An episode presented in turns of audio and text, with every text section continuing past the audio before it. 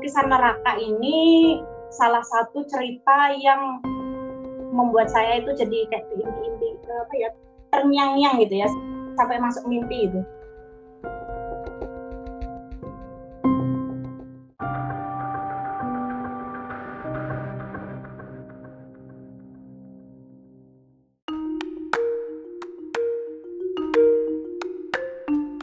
Judulnya lukisan neraka, Mbak. Jadi eh, berawal dari Karena saya dulu baca penulis Ryonosuke Akutagawa, salah satu penulis legend di Jepang. Baru tahu juga, Mbak.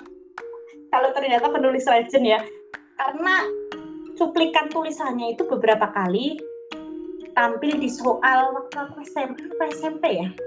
Lupa. Jadi eh, kadang saya baca buku baca buku itu berawal dari situ mbak. Dulu waktu soal kayaknya ini pernah deh judulnya ini penulisnya ini. Nah nanti ketika waktu ada pameran buku saya melihat ini ini ada nih ini ada ini bagus beli aja kayaknya pernah kayak gitu. Kayak ada semacam apa ya perasaan hangat pernah membacanya sepintas gitu kan. Nah salah satunya juga ini lukisan neraka. Jadi ini kumpulan cerpen. Penerbitnya Kansha.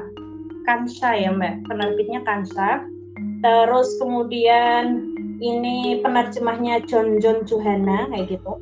Nah, e, lukisan neraka ini salah satu cerita yang membuat saya itu jadi kayak inti-inti apa ya ter terngiang-ngiang gitu ya sampai masuk mimpi itu.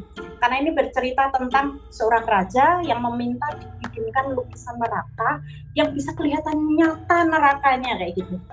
Nah, itu salah satu pelukisnya bingung mau bagaimana caranya, akhirnya dia kayak semacam menyendiri gitu dan dia berpikir bagaimana ya cara membuat lukisan yang memang kelihatan nyata kayak uh, kayak ada nerakanya kayak gitu. Nah, sampai endingnya ya cukup mengejutkan juga karena nanti ada kayak uh, kayak ada apa ya dibikin kayak terbakar kayak gitu, ada benar-benar apa terbakar akhirnya bikin orang itu kalau ketemu si pelukis ini jadi kayak ketakutan kayak gitu. Nah, itu cerita ini cukup terkenal di sana. Bahkan namanya diabadikan. Akutagawa ini diabadikan sebagai kalau ada kayak uh, penerima penghargaan penulis kayak gitu. Nah dia di apa namanya di sana kalau di Jepang kan diwajibkan juga membaca salah satunya karyanya dia. Nah ada juga beberapa cerita di sini. Itu satu cerita itu sampai bisa 20 halaman. Jadi lumayan lumayan membuat apa namanya baru selesai 10 nanti tinggal ngapain dulu? Selesaikan lagi kayak gitu. Karena nggak nggak seperti buku apa cerpen-cerpen di Indonesia yang kita sekali duduk selesai ya gitu. Nah di sini ada enam enam cerpen.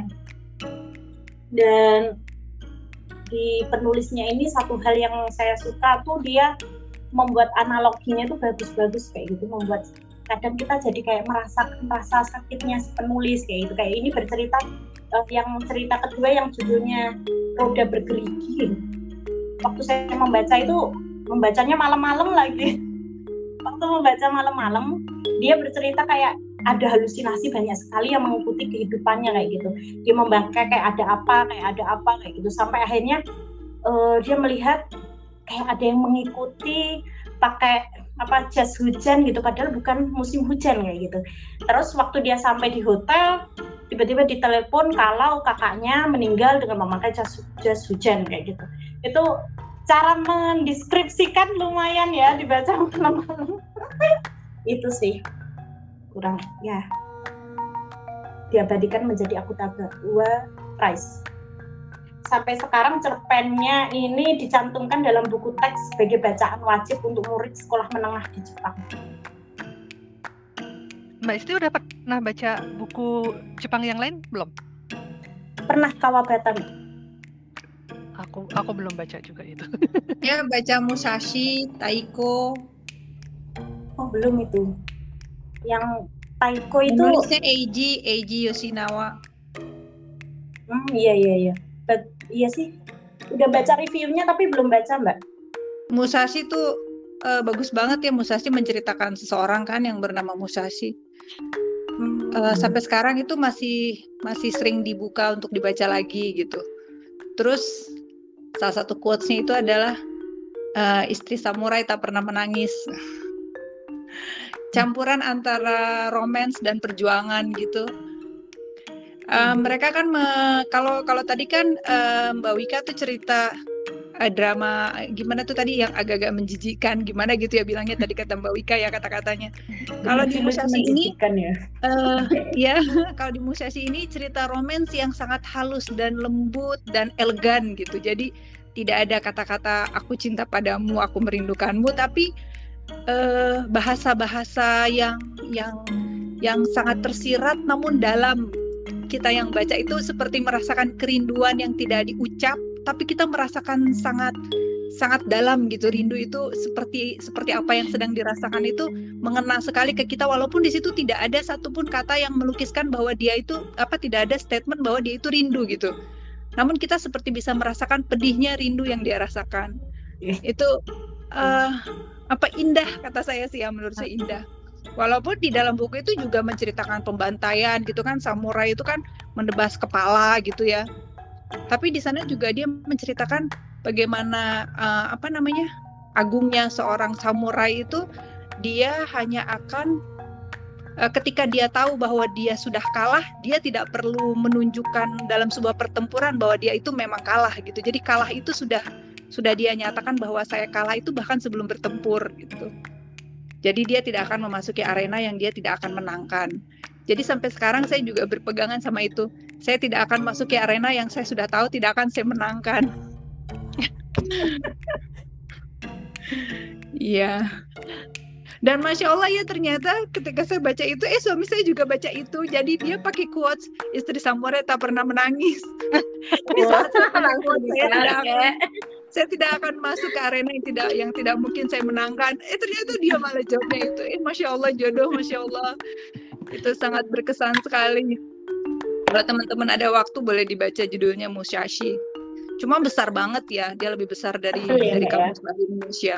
Ba banyak ya Mbak ya lagi ya. Ada beberapa seri ya. Musashi kalau saya sih ngambil apa eh satu buku ya satu buku aja sih cuma satu buku tapi tebel banget memang sih tebel dan dan besar gitu ukurannya ukuran apa itu namanya yang ukuran A4 gitu ya agak kecil sedikit dari A4 tapi tebalnya mantap Aku tadi tertarik sama Mbak Isti tadi karena itu buku satu buku kumpulan cerpen kan ya dan cerpennya panjang-panjang gitu. Apakah memang seperti itu gitu? Kayak penulisan orang Jepang ya. Aku sendiri nggak nggak banyak baca buku Jepang sih, cuman baca um, siapa namanya? Haruki Murakami. Dia kan bikin banyak kumpulan cerpen juga. Dan cerpennya gitu panjang-panjang gitu gitu kan. Iya, sampai kemarin uh, uh, sampai kemarin ada yang dijadiin baru baru tahu belakangan ini karena kemarin ada satu yang dijadikan film kan yang kemarin uh, apa sih? Jadi lupa judulnya apa. Uh, aku pikir dari cerita gitu kan yang Drive My Car apa On the Road ya? Drive My Car kalau nggak salah. Yang di, dia hmm. cuman di mobil gitu. Pokoknya adegannya tuh ada di mobil jalan pokoknya jalan pulang pergi kerja kayak kayak gitulah. Aku pikir kalau cuman cerpen doang kok bisa jadi film gitu loh dari mana gitu kan. Terus uh, penasaran kan beli bukunya ternyata memang cerpennya itu ada 50-an halaman gitu. Ya banyak juga gitu kan.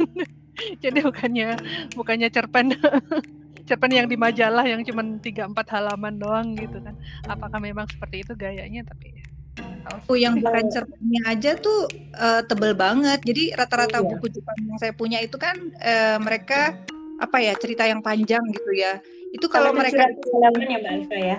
Iya, kalau mereka itu kecil, maksudnya mereka itu kalau mereka bukan cerpen, mereka itu akan buat berseri gitu. Ada yang sampai uh, empat buku gitu, empat buku tebal. Di dipecah-pecahnya menjadi empat buku. Uh, kalau tahu apa namanya Suikoden ya, Suikoden sampai empat buku itu juga uh, cerita Jepang tentang samurai yang terbuang gitu, para samurai yang terbuang. Uh, apa Ronin cerita tentang para suka, Ronin. suka samurai ya kayaknya ya Mbak Iya. uh, kebayang sih cerpennya itu akan seperti apa karena buku yang bukan cerpennya aja versi apa sih berarti kalau bukan cerpen? Novel kali ya. Iya. Itu panjang-panjang semua, masya Allah panjangnya tuh sampai gini kok mereka bisa nulis cerita sepanjang ini ya. Aku setoran klip aja aku udah kelabakan. kayaknya nggak cuma Jepang aja sih mbak kalau rata-rata uh, luar gitu kalau yang saya temui seperti buku kumcer yang sebelumnya saya share itu juga kayak gitu itu ya memang rata-rata mereka halamannya segitu sih mbak cuma kalau di Indonesia karena sebenarnya kalau Indonesia kan dulu juga cerpennya seperti itu cuma ada ini loh media koran yang dulu ada pembatasan untuk jumlah cerpen kayak gitu yang akhirnya menjadi kayak semacam apa ya uh, jumlah katanya sekian kayak gitu. Aku pernah baca ini tuh di tulisannya siapa? Oh tulisannya Bini Arnas dia menceritakan kenapa cerpen Indonesia itu lebih pendek kayak gitu? Karena memang uh, ada pembatasan di media itu pertama terus akhirnya menjadi kayak semacam kebiasaan gitu aja sih seperti itu. Karena dulu kan ini mbak tahun 90-an itu orang disebut penulis adalah ketika mereka sudah masuk media. Itu 90-an jadi orang semua berebut gimana caranya bisa masuk media gitu. Jadi kerasa banget eh itu udah masuk media langsung orang menyoroti dia oh dia penulis gitu tapi kalau belum masuk media, dia belum bisa disebut penulis itu dulu Mbak. Makanya ketika uh, sudah lama vakum terus tiba-tiba saya masuk lagi ke dunia menulis gitu, ternyata semua orang bisa jadi penulis ya. Karena dulu waktu saya masih SMA itu untuk menuju kayak menjadi penulis harus masuk media A, media B, media C kayak gitu. Kalau nggak masuk media ini nanti nggak bisa disebut penulis kayak gitu. Kayak gitu sih dulu standarnya mayoritas seperti itu itu ya kalau nerbitin buku. ya itu dia. kalau udah nerbitin buku bikin antologi termasuk media itu mbak? Masuk ya uh, media yang saya maksudkan tuh media kayak media ini sih mbak. Kayak koran terus majalah kayak gitu kan ya? Iya. Iya karena biasanya kalau mereka sudah bersambung di koran atau mungkin majalah ada beberapa yang dijadikan buku kayak gitu sih kayak gulagom itu kan dari awalnya dari saya kalau nggak salah ya